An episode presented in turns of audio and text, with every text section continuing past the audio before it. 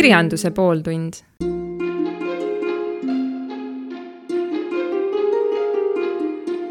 tere tulemast saatesse Kirjanduse pooltund. mina olen endiselt teie saatejuht Agnes Mäe, aga nagu ka eelmisel korral, siis ka täna pole ma siin täiesti üksinda. ja võiks lausa öelda, et mul on palju uhkem koosseis siin stuudios kohal. ja minu esimeseks külaliseks on minu kallis eesti keele ja kirjandusõpetaja Marika Nugis. ja tere, mul on väga hea meel, et sa siin oled. Tervist, aitäh kutsumast ja minu teiseks külaliseks, nagu ka eelmisel korral, on minu hea sõber Elise Kuus tere taas. Aliis, et äh, meil on siin väike vahepaus kahe saate vahel olnud, et äh, mitu raamatut sina vahepeal ära lugenud oled, et oleks hea kohe eesti keele õpetaja ees uhkustada sa paned mind natuke täbarasse olukorda hetkel, aga päris vastust võlgu ma ei jää. ma alustasin ühe raamatuga, mis mulle kingiti jõuludeks ja see on selline äh, lühike raamat, umbes mingi sada lehekülge ja see on siis äh, sellisest äh, üks psühholoog on selle kirjutanud, äh, siis nii-öelda saab iseendale teha väikse psühhoanalüüsi ja mulle kingiti jõuludeks ja ma olen sellega natuke algust teinud. nii et äh, läbi pole saanud, aga häbisse ka ei jää. seda on väga hea kuulda ja ka tulleski nüüd siis äh, teie juurde, Marika, et äh, kas see vastab tõele, et äh, eesti keele ja kirjanduse õpetajana on lugemiseks aega päris vähe, et on ju teada-tuntud asi, et eesti keele ja kirjanduse õpetaja on väga selline väga-väga töömahukas ja väga selline pingeline amet, et peab ju kodus kõik need kirjand, kirjandid ja, ja tööd veel üle vaatama, et kuidas teil sellega on? no kahjuks ma pean tunnistama, et et, ähm, et ma ei loe kaugeltki nii palju, kui ma tahaks lugeda. Äh, et ma loen äh, üsna palju kohustuslikku kirjandust. ja, ja ei ole midagi imestada, kui, kui õpilased on mures, et nad ühte või teist detaili ei mäleta mõnest raamatust, et äh, mina loen neid kordi ja kordi ja, ja, ja ka ei mäleta aga, aga lugemisega on ilmselt nii, et et äh, eks seegi on teatud, äh, teatud määral mingisugune otsus, et kui sa oled otsustanud, et sa loed, äh, siis sa selle ajaga leiad. Ja, ja kahjuks ma pean tunnistama, et ma olen olnud natukene sellisel kirjanduslikul paastul vahepeal. ja, ja tasapisi olen nüüd teel uuesti lugemise juurde seda on väga hea kuulda, aga kas, kas need teosed, kas need ennast ära ei ammenda, et kui ongi läbi mhm. aastate peab ühtesid ja samasid äh, romaane ja, ja novelle ja kõiksugu muid teoseid ja uuesti ja uuesti lugema, et äh, kuidas sellega on? vot sellega on niisugune huvitav lugu, et ähm, äh, et alati on heast teosest võimalik leida midagi sellist, mida sa seal enne ei ole märganud Äh, ja päris selge on, et äh, seitsmeteistkümne või kaheksateistkümne aastane noor leiab teosest äh, ilmselt hoopis midagi muud kui, kui mina õpetajana. nii et mul on selles mõttes niisugune omakasupüüdlik töö, et noortega koos lugedes mina loen kogu aeg üle ja kogu aeg igal, igal korral ma leian midagi, mingit uut mõtet, mingit sügavust, mingit vaatenurka ehm, jah, täiesti omakasupüüdlikult. ja, ja õnneks ei ole, õnneks ei ole koolikirjandus selline, et mis on igavesest ajast igavesti raiutud raamatusse, et seal midagi muuta ei tohi. et mõnikord on meil toredaid leide või, või keegi noortest leiab midagi vahvat, mida, mida teistega jagada või minuga jagada. nii et äh, seda ohtu kindlasti ei ole. et et äh, kolmandat või seitsmendat korda raamatut lugedes ähm, sellest äh, teosest enam midagi leida poleks no mina ei ole isiklikult äh, väga palju raamatuid nii-öelda uuesti üle lugenud, aga, aga mul on küll jäänud ka eesti keele või sealt tähendab kirjanduse tundidest silma, kuidas õpetajal on raamat juba täis kirjutatud ja siis ta vahel ikka lisab veel sinna märkmeid ja -hmm. et oodake, et, et see on hea mõte, et tegelikult seda on nagu väga äh, väga lahe kõrvalt näha ja see on ka üpris tuntav. no ma ise äh, pigem, äh, kui ma loen midagi lühemat, kui on mingid noh, minu suured sõbrad, nagu ma juba eelmine kord mainisin, on praegu eelretsenseeritud teadustööd. ja vahel, kui oled ühte koolitööd väga pika aja peale venitanud, siis hakkavad ka igast uued detailid äh, pinna alt välja tulema. aga kindlasti üks teos, mida ma olen mitu korda lugenud ja mida ma ilmselt tahan nagu mingite aastate tagant oma elus uuesti lugeda, on Faust, et see on ilmselt üks mu kõige lemmikumaid teoseid üleüldse maailmakirjanduses.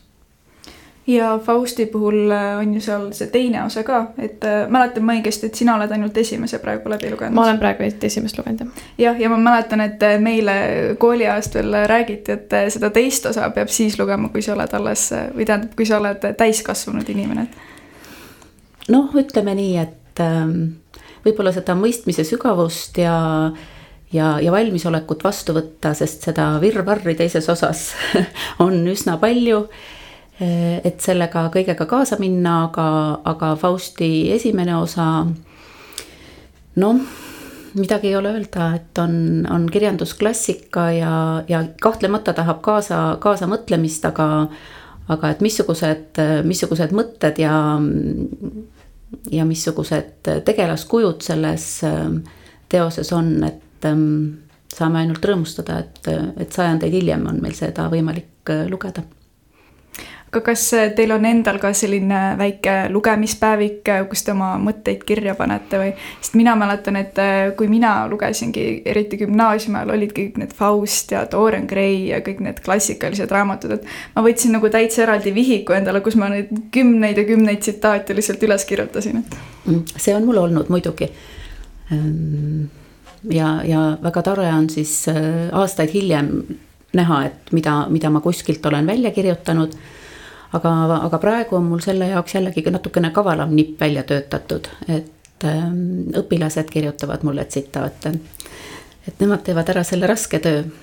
ja mõnikord ma natuke aitan neid äh, nende tsitaatide leidmisel ja, ja mõnikord on need äh, väljakirjutused nii õnnestunud, et ma palun ühe koopia näiteks endale. ja, ja mul on mapi vahel ähm, ammugi juba praeguseks vilistlaste väljakirjutused ja nii tore on neid mõnikord võtta sealt mapi vahelt ja vaadata, et noh, näiteks Dorian Gray portree ja, ja mida keegi on äh, viis või seitse või kümme aastat tagasi sealt leidnud. Ähm, või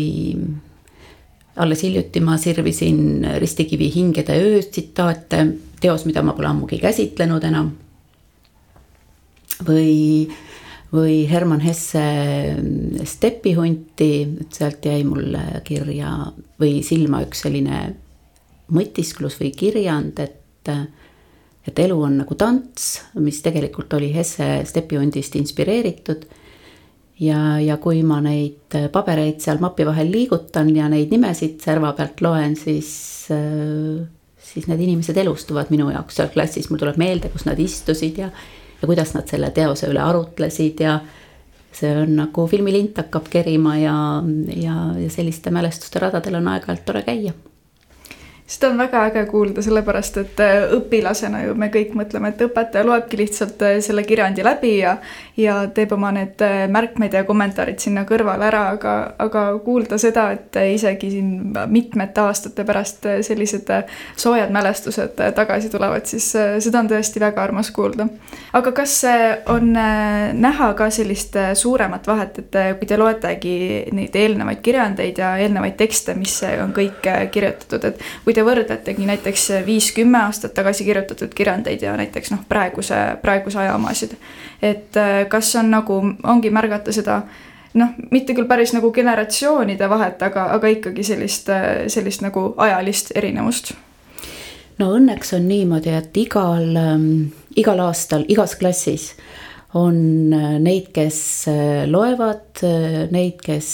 kirjutavad ähm, need, kes valdavad sõna, need, kes tajuvad äh, stiili nii et äh, ma loodan, et mitte kunagi ei tule sellist aega, et nüüd on tühjus, nüüd on kõik otsas. aga, aga teatud muutus muidugi on ja, ja, ja üldjoontes ikkagi mitte, mitte sellise positiivse suundumuse poole. et lugeda on keerulisem, järjest, järjest raskem noortel. Äh, selleks on aega vaja, selleks on süvenemist vaja ja kui ei loe, siis on ka kirjutada raske. sest lugemine on ju treening väga mitut pidi. et kõigepealt on see selline iseenesega olemise aeg ja, ja teatud mõttes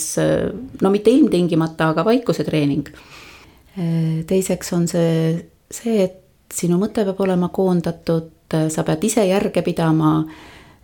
sa pead selle maailma iseenda jaoks peas looma, mida sa raamatust loed. ja kui näiteks selle üle pärast arutleda või sellest äh, kirjutada, siis äh, paralleelide loomine iseendaga, oma elukogemusega, selle maailmaga, kus me praegu elame, et ähm, äh, see on teoste lugemise puhul alati väga oluline. ja, ja teatud muutust jah, muidugi on näha, et ja oma, oma osa selles muutuses on muidugi ka äh, nüüd juba väga tavalisel äh, kaheteistkümnenda klassi lõpueksamil, mis on kaheosaline. et enne seda me ju kirjutasime nii-öelda mm, pika kirjandi kuussada kuni kaheksasada sõna. ja, ja, ja, ja palju aastaid oli mm, kirjandi puhul ikkagi selline kirjanduslik teema üsna levinud ehk et kui sa olid kirjanduse tunnis äh, kenasti kaasa töötanud, siis ei olnud sul suurt muret, et, mm, et kirjand kirjutada aga see praegune lugemisülesanne ja teksti mõistmine ja, ja sinna juurde kirjutamine, äh, see natuke muidugi pärsib niisugust äh, mahukamat, äh, mahukamat eneseväljendust aga kas te olete siis järeleandmisi ka teinud selles mõttes, et, et võib-olla kunagi varem olitegi karmim lugemiskontrollide juures, aga nüüd on äkki sellised lihtsamad võtted käsil? No õnneks ma olen jah arenemisvõimeline. jah, seda ma arvan, on õpilastel väga-väga tore kuulda. no ütleme nii, et, et kümme aastat tagasi ma oleks ikka iseendale näppu viibutanud, kui, kui, kui ma oleks iseenda peale nagu kümme aastat ette vaadanud, et aga, aga eks see ole aja märk ja, ja see muutus, et et, et loetakse vähem, et süvenetakse vähem ja ja, ja ega ma sellega päriselt leppida ei taha, et eks ma, eks ma ikkagi püüan lugema ärgitada ja, ja, ja inimestele, kes enne on vähem lugenud, seda ust paukile teha. et, et lugemine rikastab äraarvamatult palju kindlasti on koolis, kooli puhul selle lugemisega nagu selline probleem ka, et see ongi nagu selline sunduslik et äh, ma tean, et meie kindlasti Eliisega ise ka, et, et kui on ikka miljon muud asja teha, siis, äh, siis ega nagu naljalt me seda nagu raamatut nagu noh, niisama kätte ei võtnud. aga, aga vähemalt meie puhul on see küll niimoodi, et äh, et äh, enne gümnaasiumit meil oligi mõlemal selline madalseis vist pigem, et me nagu nii, nii innukalt ei lugenud, aga, aga siis äh, gümnaasiumis, kui me, mis, mis meile mõlemale väga meeldis, oli see, et me käsitlesime ka nagu neid äh, teoseid väga nagu põhjalikult, me läksime nagu hästi süvitsi, et, et sellise internetist loetud kokkuvõttega ühesõnaga ei oleks nagu läbi saanud, et ja see nagu arendaski väga seda analüüsioskust ja see nagu tõigi selliseid hästi huvitavaid detaile selle välja, et millele võib-olla ise ei olekski nagu tulnud. ja, ja vähemalt siis meie puhul ongi niimoodi, et nüüd meie oleme taas rajal jälle ja ma loodan, et, et vähemalt nagu pärast gümnaasiumi aega või, või ongi kasvõi kunagi nagu hilisemas elus, et et nagu see seeme on ühesõnaga gümnaasiumis mulda pandud ja siis nagu läbi selle tuleb tulevikus selline raamatuarmastus kas tagasi või siis saab nagu sellise suurema alguse. no eks see ongi, et et mõni jõuab lugemise juurde juba üsna väiksena ja vahepeal on vaja kas palli mängida või, või tantsutrennis käia ja see kõik on normaalne, et nii peabki olema. Äh, aga peab olema käes tehniline lugemisoskus, äh, et ei ole lugeda raske ja, ja midagi pole teha, et äh, mingil perioodil ilmselt natuke ikkagi peab tagant tõukama, et see on ikkagi seesama kassipoja lugu ja kassipoja ja piimatassi lugu, et peab natuke sealt turja pealt kinni võtma ja nina sinna piima sisse vajutama. ja mõni rapsib ikka hullult vastu, midagi pole öelda mm, aga, aga et on selliseid toredaid lugusid ka, kus lapsevanemad äh, näiteks pärast gümnaasiumi lõpetamist äh, äh, küsivad, et mis asja te seal koolis tegite. mitte midagi enam muud ei tee, kui ainult loeb. noh, et, et laps on saanud, no mis ta laps on siis juba suur inimene, on saanud selle lugemise oskuse, lugemise tarviduse ja, ja see valik, et mille poole keegi kaldub, kas on see tõesti siis populaarteaduslik kirjandus või, või psühholoogia või, või ilukirjandus või keegi seikleb kuskil teistes galaktikates, et kirjanduse võimalused on ju äraütlemata suured mind natuke ennast huvitavad siis need nipid, mis siis õpetajal on. mina kõrvaltvaatajana väga ei oskagi öelda, et kuidas äh, nii-öelda see väljendus, et te panite kedagi lugema või, või panite siis selle äh, nina sinna piima sisse, aga et kuidas te võib-olla ise tunnete, et te seda teinud olete, sest et minul just äh, hiljuti oli vestlus oma venna ja ta sõpradega, nad tulid minu juurde ja küsisid mu käest, et Eliise, ütle meile, mis meie juures sind häirib siis ma ütlesin, et issand, et noh, niimoodi küll ei hakka ju kellelegi ometi kuidagi ütlema, et te olete mul siin toredad äh, sõbrad, sõbrad kõik, et. et aga, et üks asi on, et, et lugege rohkem ja tahtke rohkem ennast äh, just kirjandusalaselt harida, et ei pea lugema mingeid äh, maailmaklassikat, te võite lugeda vabalt oma mingi lemmiksportlaste mingeid elulugusid, asju, et lihtsalt lugege. et muud etteheidet mul teile ei ole, et mis on siis selline võib-olla kõige parem viis, kuidas, kuidas nii-öelda poolvägi seda teha või kuidas te koolis tunnete, et see praktika nagu nii-öelda käinud on? no ideaal ideaalselt oleks see muidugi niimoodi, et, et sa peaksid igat õpilast tundma nii hästi, et sa saaksid aru, mis talle sobib et, ähm, et kui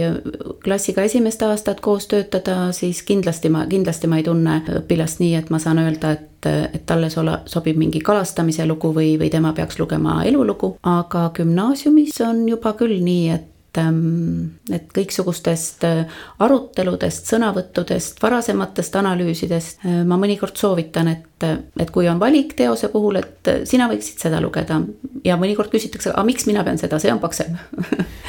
Sellepärast, et sa oled võimeline seda lugema, sellepärast et tõenäoliselt see raamat kõnetab sind, tõenäoliselt ma arvan, et ma tunnen sinust mingit sellist külge, et midagi selles raamatus võiks olla sulle sobiv. Ja, ja no vahel tuleb, vahel tuleb teha seda võtet, et kui sa kogu rehkendust ei jõua, siis tee pool, et kui sa tervet raamatut ei jõua, siis loe sinnamaani ära. Ja, ja siis eriti põhikooliklassides, siis mõnikord ikka tahetakse teada saada, et mis edasi saab aga no loeme veel ühe peatüki, vaatame, mis, mis siis sai. Ja ja katsume veel lugeda ja mõnikord võib ühe raamatu eest mitu hinnet saada. Ja, ja mõnikord võib raamatu sõbraga pooleks teha ja üks loeb esimese poole ja teine teise poole ja, ja siis vaielda, et, et nii oli või tegelane oli, käitus nii või ei käitunud, aga, aga see on ilmselt, lugemisega on ikka ilmselt nii nagu kõikide asjadega, et pole midagi öelda. Palju tsiteeritud Tammsaare ütlus ähm, tõesti õigusest, et äh, tee tööd ja näe vaeva, siis tuleb armastus. ma ei arva, et lugemine peab olema vaev, aga, aga armastus lugemise vastu ei saa tulla, kui sa ei loe. Armastus muusika vastu ei saa tulla, kui sa ei kuula muusikat, kui sa ei tee muusikat, armastus äh, tantsimise vastu, noh, muidugi me võime kõik äh, balletti vaadata ja öelda, et me naudime seda, aga me ise ei ole baleriinid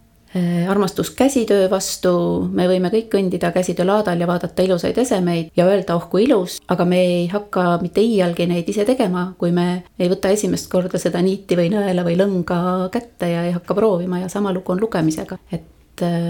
et miks koolis, miks koolis on vaja lugeda,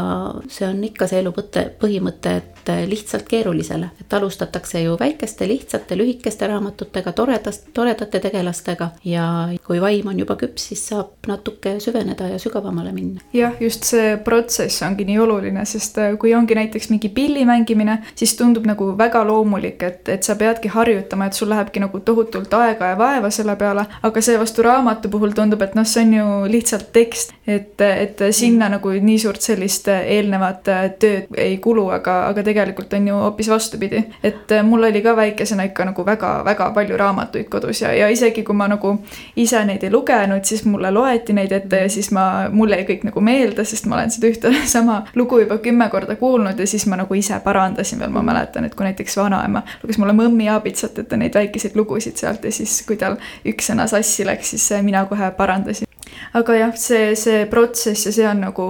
ikkagi väga oluline, et äh, minu arvates, et nagu lapsevanemad ise ka nagu suunaksid oma lapsi või noh, selles mõttes, et see ei ole ju noh, lugemine ei ole kerge ja, ja seda huvi nagu peab tekitama, et see on nagu paratamatult, see tuleb nagu väga kasuks ja seda läheb tulevases elus ikkagi vaja ka, et äh, funktsionaalne lugemine kasvõi, et nagu väga-väga-väga vajalik oskus. jah, ilma lugemiseta kasvõi tänapäeval kiirel klikiajastul ilma lugemiseta me toime ei tule ja, ja see tähelepanek, et et kodu roll on erakordselt suur, on ikkagi väga õige. et kui, kui kodus on raamatuid, kui kodus loetakse, kui ette loetakse ja mis väga oluline selle juures, selle üle ka räägitakse ja lastakse lapsel rääkida et mis selles loos juhtus, mis, mis nüüd mõmmi või, või, või, või karuke või jänkuke või mida ta tundis ja miks ta niimoodi tegi. ja et kui see on,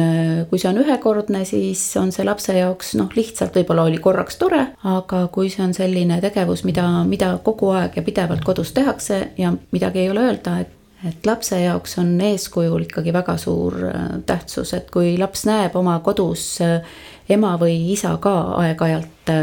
mitte ainult Äh, telefonis või arvutis, vaid ta näeb ka nii-öelda füüsilist raamatut lugemas. või et, äh, et üsna tavaline on, et, et kuskil kapi peal või, või öökapi peal on mingi pooleliolev teos. või et kodus äh, mingi teose üle räägitakse või et kaubanduskeskuses ei käida ainult kummikuid või, või mänguautosid ostmas, vaid astutakse sisse ka näiteks raamatupoodi. see on, see on võluvits tegelikult ja,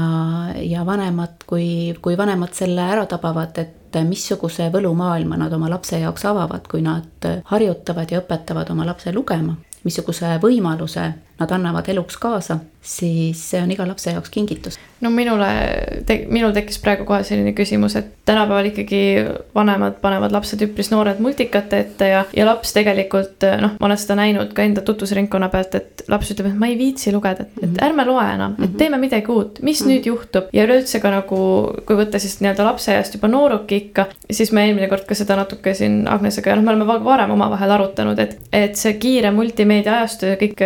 need need Tiktokid, lühivideod on tekitanud efekti, kus tahetakse järgmist meelelahutust praktiliselt maksimaalselt minuti aja pärast. et äh, kui palju te nagu tunnete, et kas ja kuidas üldse on võimalik tagasi pöörata või, või lugemisele suunata selliseid lapsi, kes on juba nagu oma esimestest eluaastatest harjunud saama seda fa-fa-fa, värvilised äh, olendid jooksevad kiiresti, plahvatused, äh, show, mängud, et kui raske see nagu tundub või üleüldse eesti keele ja kirjanduse õpetajate tulevik, et, et milliseks see teie arvates nagu kujuneda võib?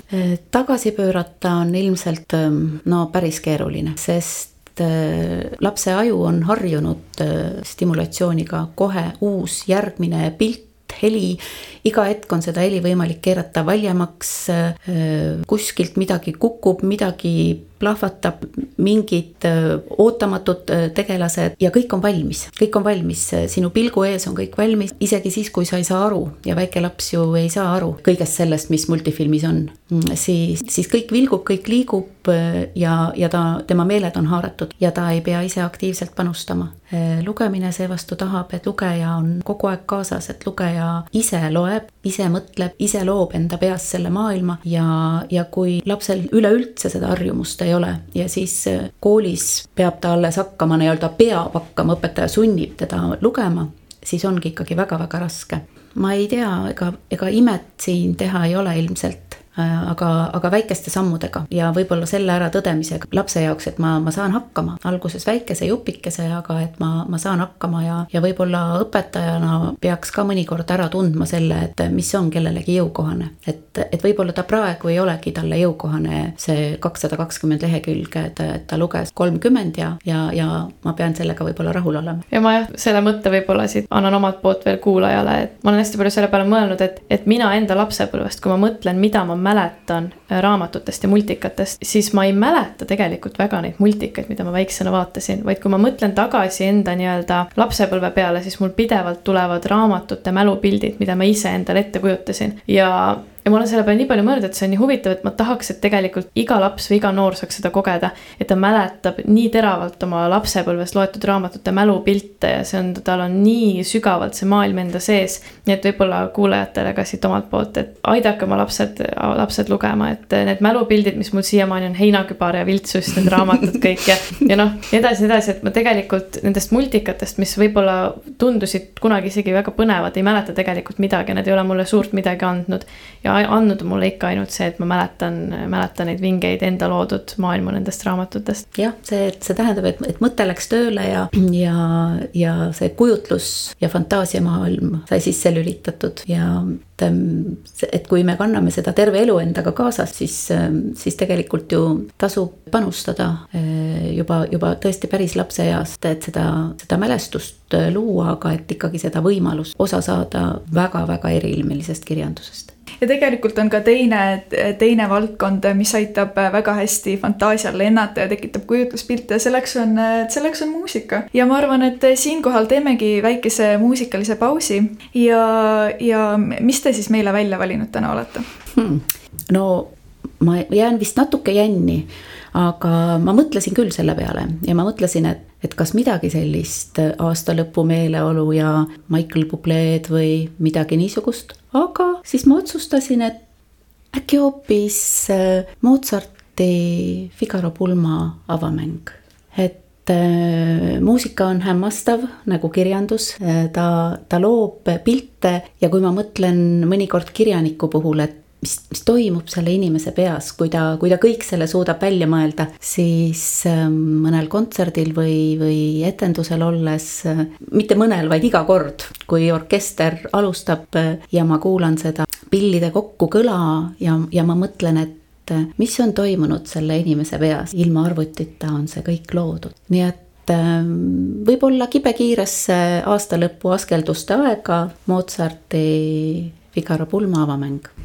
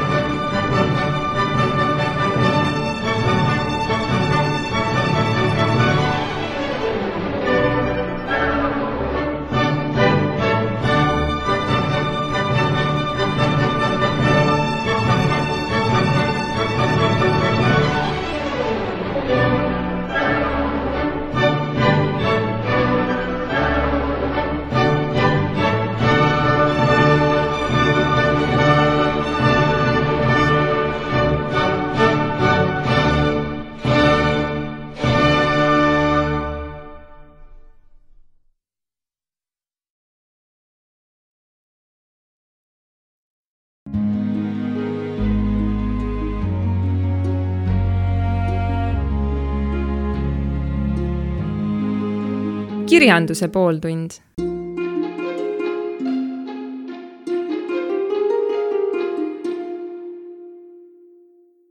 nii oleme oma väikeselt äh, muusikapausilt tagasi ja meil siin äh, vahepeal äh, tuli jututeemaks ka, kui me siin kuulasime, kuulasime seda mõnusat muusikapala, siis,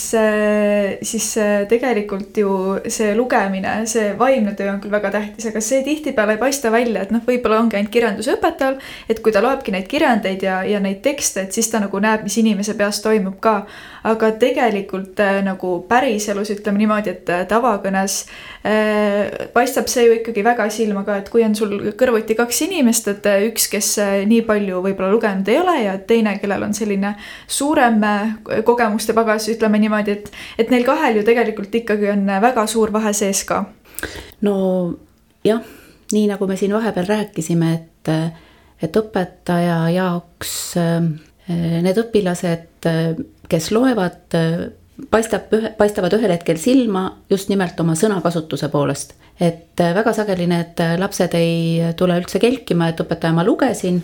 aga, aga nad äh, kas kõnelevad või kirjutavad ja, ja kasutavad selliseid sõnu, mis ei ole, mis ei ole võib-olla igapäeva tavakasutuse sõnad. Nende sõna sõnapagas on palju laiem, nad äh, tajuvad äh, sõna tähtsust ja, ja sõna nüansse ja, ja erinevaid stiilivarjundeid ja saavad aru, et äh, ühte sedasama sõna erinevas kontekstis kasutades tuleb väga erinev tulemus. ja, ja nad oskavad ennast mitmekesisemalt väljendada ja selline eneseväljendus mitte ainult Ellotška puhul kolmekümne kolme sõnaga, et et ma arvan, et see on ikkagi tänapäeva noorele, haritud noorele väga-väga oluline. No mina olen ka hästi palju tundnud seda, kui ma olen rääkinud ka siin, noh, ei peagi olema isegi alati endast nooremad, vaid üleüldse, kui räägid teise inimesega ja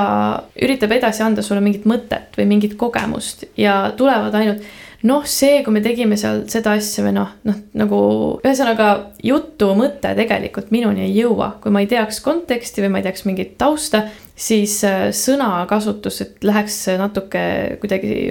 spetsiifilisemaks, tooks sisse mingid omadussõnad, värvikamad väljendid. et seda nagu absoluutselt ei ole ja siis võib ka olla kõnet tegelikult väga raske, igav kuulata. kuidas see õpetajale nagu tundub või, või kui raske on üldse tegelikult, tegelikult hinnata mingeid töid, kui tegelikult mõte ju üldse välja ei tule, et ponnista palju sa tahad, aga,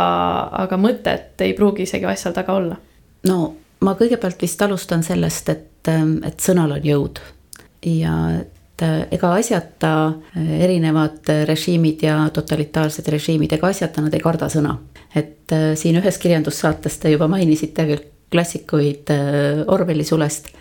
ja meil oli hiljuti just kaheteistkümnendas klassis ähm, Orwell käsil ja me jõudsime sinnamaani, et kui, et kui kirjandus poleks oluline, kui kirjandus oleks ähm, lihtsalt kirjandus, lihtsalt ajaviide, äh, siis, äh, siis ei oleks tal niisugust rolli, ta ei muudaks ühiskonda, äh, kirjandust ei peaks kartma, et kui me vaatasime nimekirja nendest raamatutest, mis tuleb hävitada, kui, kui Nõukogude võim tuli Eestisse. Ja, ja see kui me klassis selle üle arutasime, siis mulle tundus, et nii mõnigi mm, õpilane võib-olla, võib-olla tõesti päris esimest korda mõtles selle peale niisuguse nurga all, et sõnal on tohutu jõud ja et sõnaga sa võid hävitada, sõnaga sa võid luua ja, ja kirjandus on mõnikord ühiskonnast ees ja, ja ennustab seda, mis hakkab tulema, mõnikord hoiatab ühiskonna ees ja, ja sama lugu on siis ka kõige lihtsamates koolitöödes, et see, mis, mis toimub sinu sees või mis toimub sinu peas või mis on sinu maailm või mis on sinu silmaring, äh, seda kõike sa ikkagi saad ju väljendada ainult sõnadega, et kui sa räägid, siis sa pead kasutama sõnu, kui sa kirjutad, siis sa pead kasutama sõnu ja see pagas, mis sa endale kogunud oled, milliseid sõnu oled sa lugenud rohkem kui korra, mis jäävad sõnavarasse. Kasutada saad sa seda, mis sul võtta on. Ja muidugi tark inimene teab, kui tal ei ole võtta, siis ta otsib. Ja, ja see, see on võib-olla ka üks äratundmine, milleni me koolis peame jõudma, et, et alati on võimalik juurde koguda, alati on võimalik õppida. Ja muidugi vahel õpetaja ei leia ka jah, kõike seda üles sealt, mis sinna pandud on sisse. õpilane ikka ütleb, et aga ma ju kirjutasin küll ja, ja ma saan sellest aru ka, miks see nii on, et äh, peas on ju mõte valmis, et ma kirjutan niisuguse ägeda loo ja peas võivad need äh, nohid ja etid ja, ja kõik, äh, kõik reas olla, aga kui hakata seda nii-öelda sinivalgelt paberile panema, siis teinekord tulebki sõnadest puudus. Ja mõte ei ole selge ja, ja ei ole kujundlikkust ja, ja seda seda isiklikku tunnet või, või noh, et arutlev kirjand ei nõua e, emotsiooni, aga ka kui noort inimest kirjutama õpetada, siis ikkagi kõigepealt selle kaudu, et kirjuta sellest, mis sind ennast puudutab. kui sa käisid kalal ja said ikkagi piraka haugi, siis, siis mis mõtted su peast läbi käisid, on üks, aga mida sa tundsid. või e, kui oli sõbraga lahe õhtu, siis, siis miks ta oli lahe, et mingid sõnad peavad selle kirjeldamiseks olemas olema. Ja see, see tegelikult ju aitab e, noorel inimesel ennast analüüsida ta, kui ta hakkab otsima seda sõna, millega, miks see õhtu oli lahe, mida me tegime toredat koos, äh, mis tundeid ma tundsin või mis mind häiris. Äh, tänapäeval on ähm, kirjandites või, või jah, kirjutistes üsna sageli ka, ka muresid või seda, mis häirib või mis haiget teeb ja ka kõige selle väljendamiseks on sõna vaja. aga kas natuke nukraks teeb ka, et või noh, eks ta kindlasti teeb, aga võib-olla mis mõtteid tekitab, kui kirjandites tihti või noh kirjandis need näited siis, mis tuuakse, on raamatute asemel hoopis Tiktoki või Instagrami maailmast või sellistest kõrvalistest asjadest, et kui tegelikult võiks ju tuua, tuua raamatust. no õnneks ma enam nii tundlik ei ole. on tulnud mingi leppimine? ja, ja, ilmselt küll ja, ja, ja ikkagi see, see arusaamine vist, et, ähm, et kui, kui noor inimene on leidnud midagi, mis teda huvitab, äh, eriti kui ta ise millegagi tegeleb ja, ja, ja selle kaudu kirjutab kõike ei saa ja kõike ei peagi kirjandust armastama, palju tähtsam on, et, et tal on midagi, mis, mis talle meeldib, mis talle hinge läheb, millega tal meeldib tegeleda. ja, ja tema võib ju mulle ette heita, et äh, mina Tiktokis sugugi hakkama ei saa aga jah, ongi, ongi väga oluline, et kui sul on selline, äh, selline mõte või mõttealge olemas, et siis sa nagu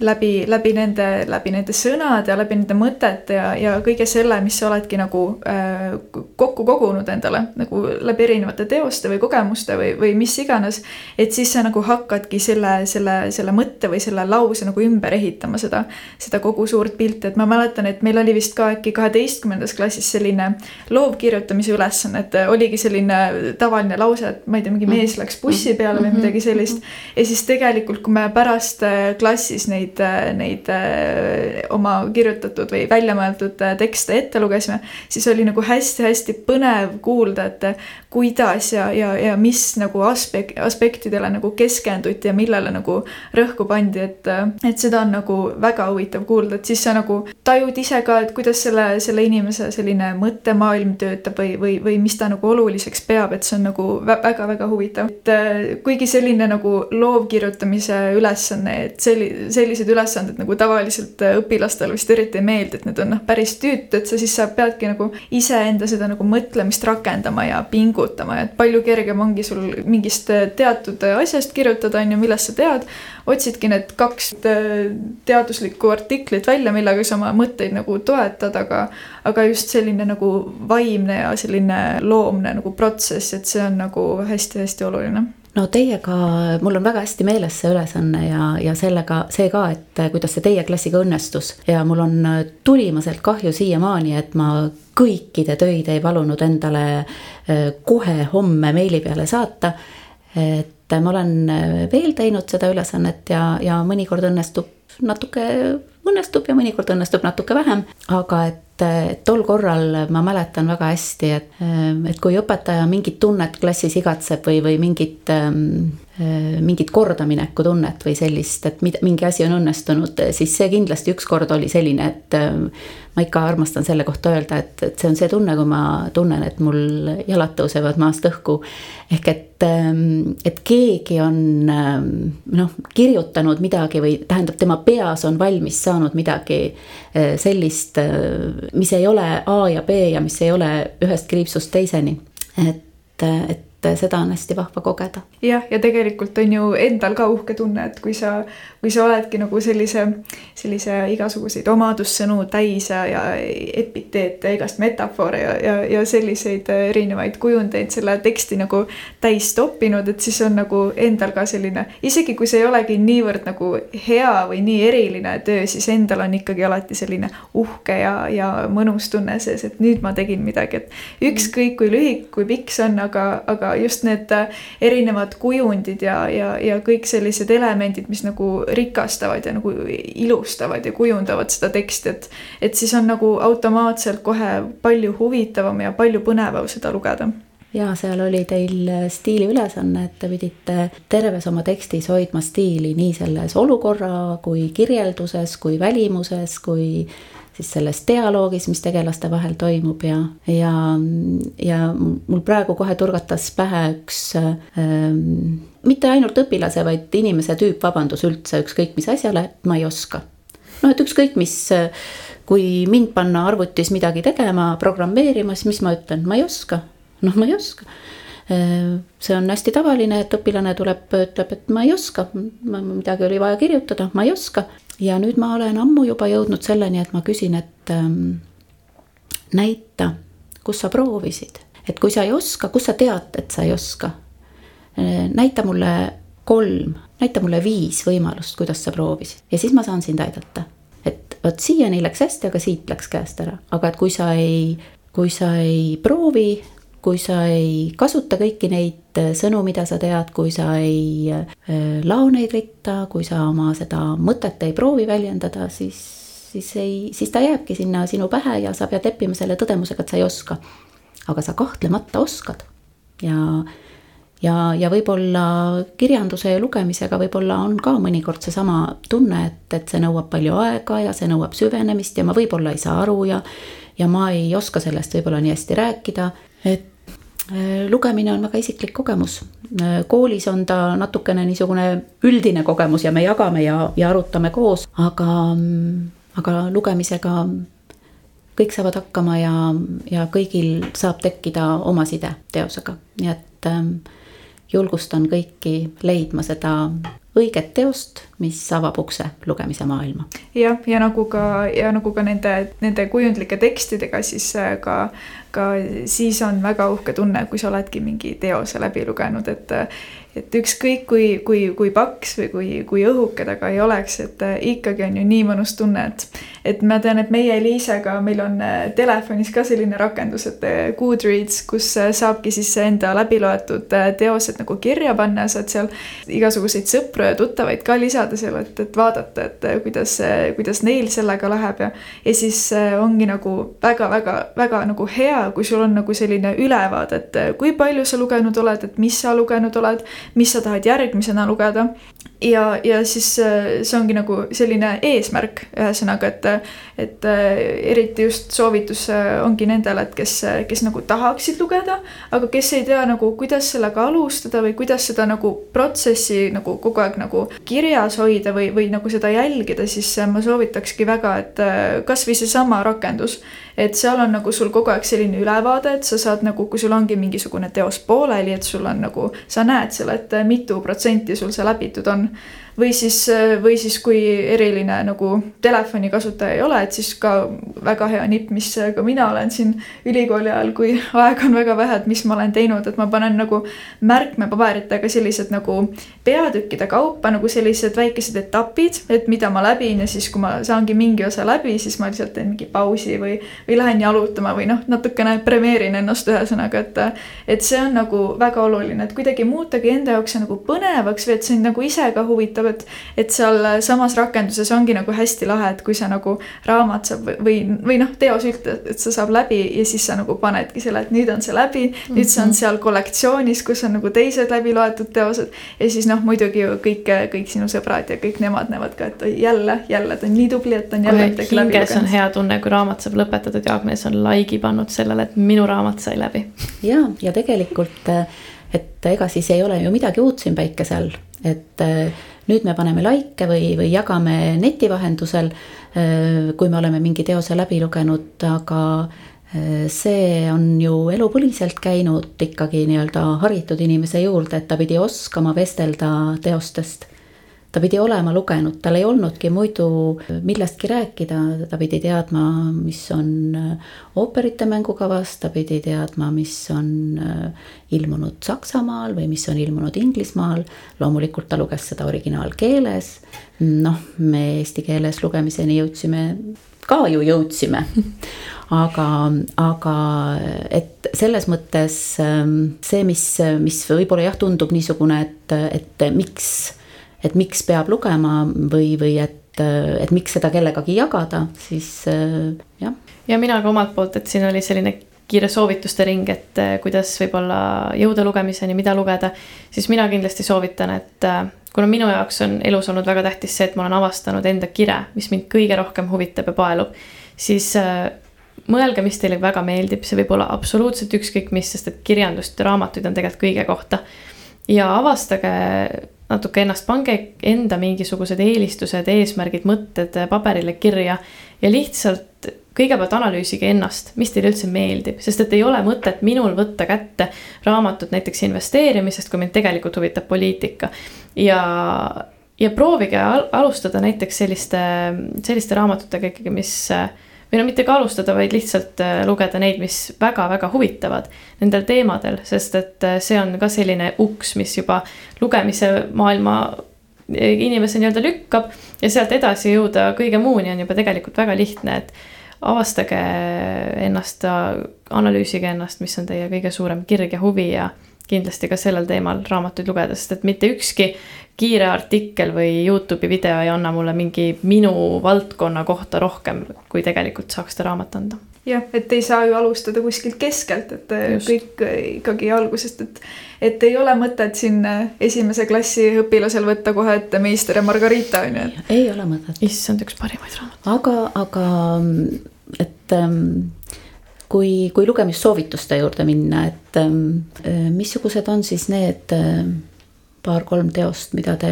oma eakaaslastele soovitaksite? no ma ei saa üle ja ümber sellest tundest, kui Marika Nugist tuli minu juurde, ütles, et Eliise, sina ole üks nendest, kes loeb Meisterit ja Margaritat.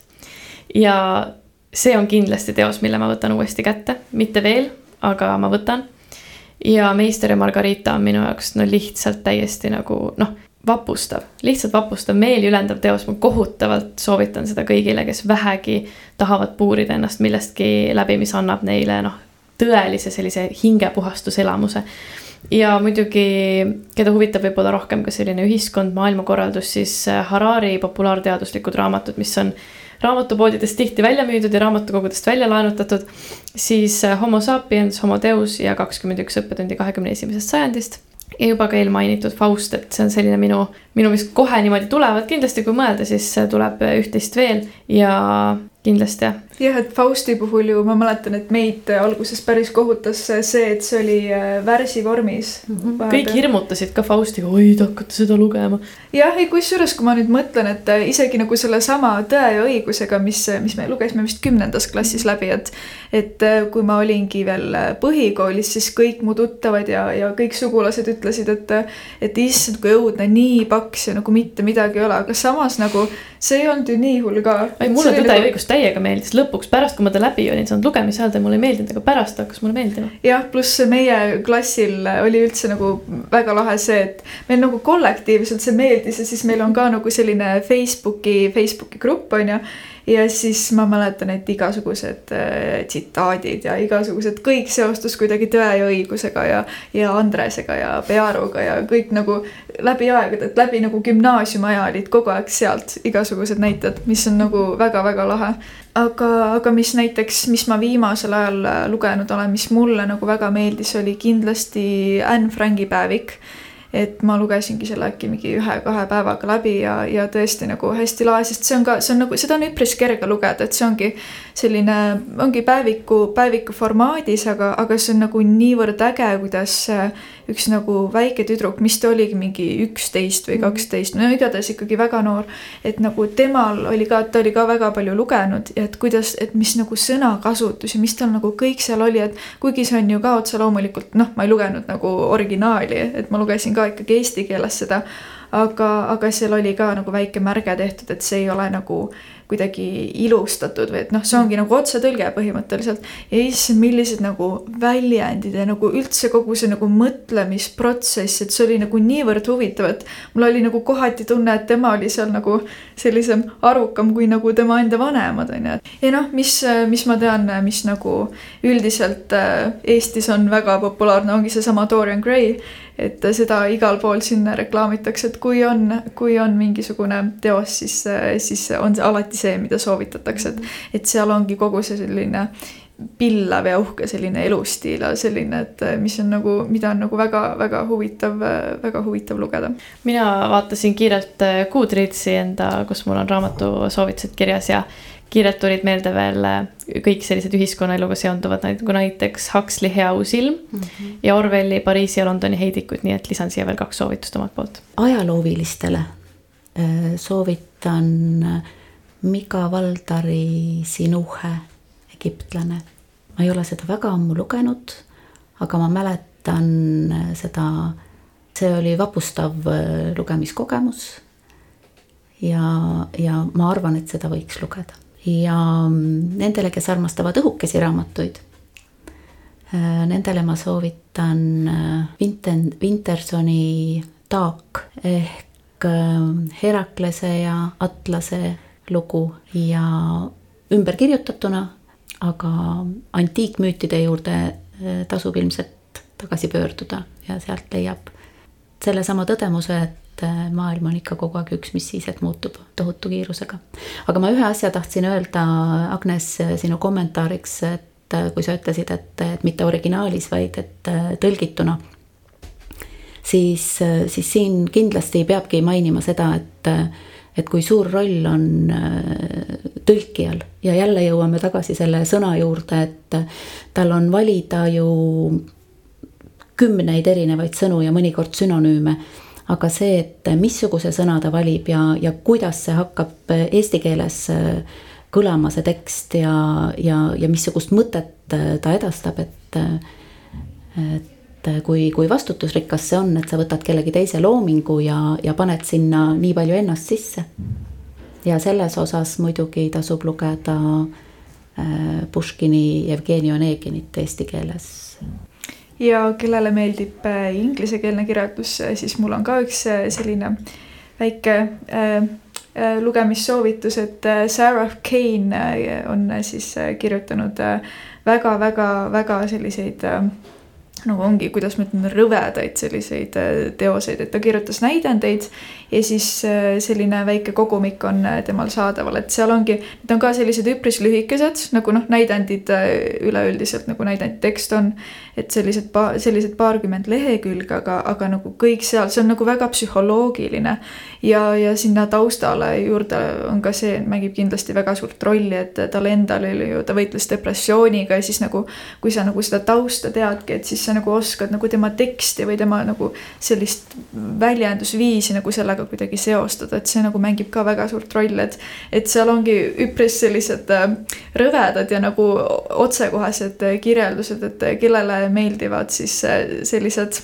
natukene tugevamad emotsioonid, et äh, siis neile ma kindlasti soovitaks äh, Sarah Kane'i näidendeid. no vot ja jõuamegi sinna, et igale oma ja, ja mingil eluperioodil, et kui on, kas on vaja turgutust, kas on vaja lohutust, kas on vaja meelt ülendada, kas on vaja rõõmuga kaasa kajada. alati leiab sobiva teose jah, see ongi niivõrd äge, et,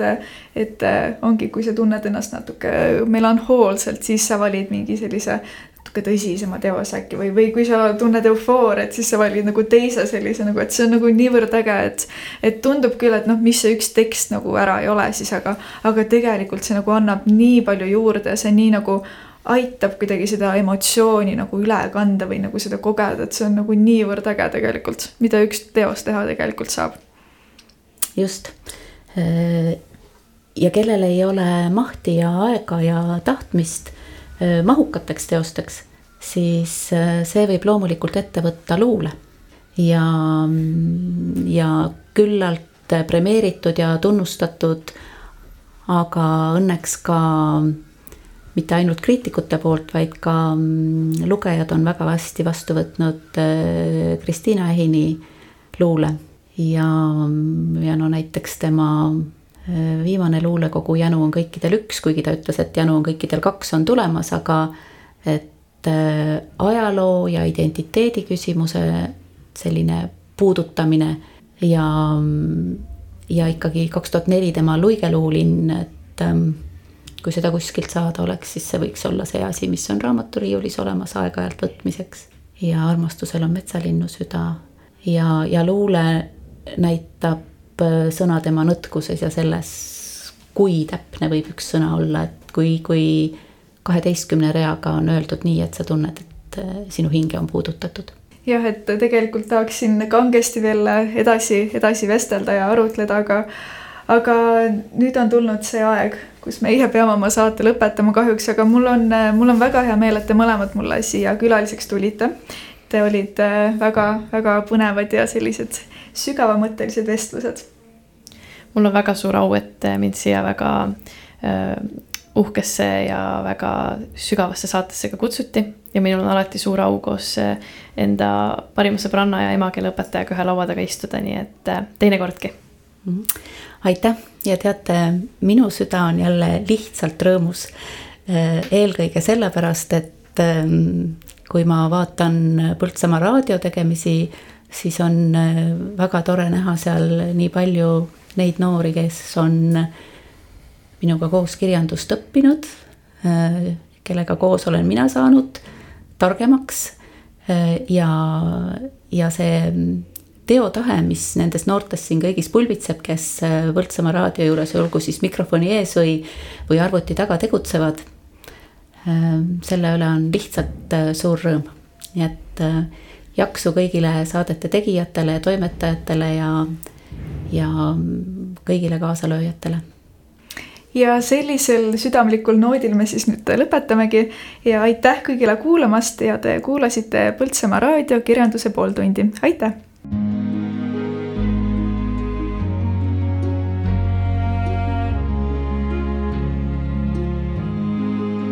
Kirjanduse pooltund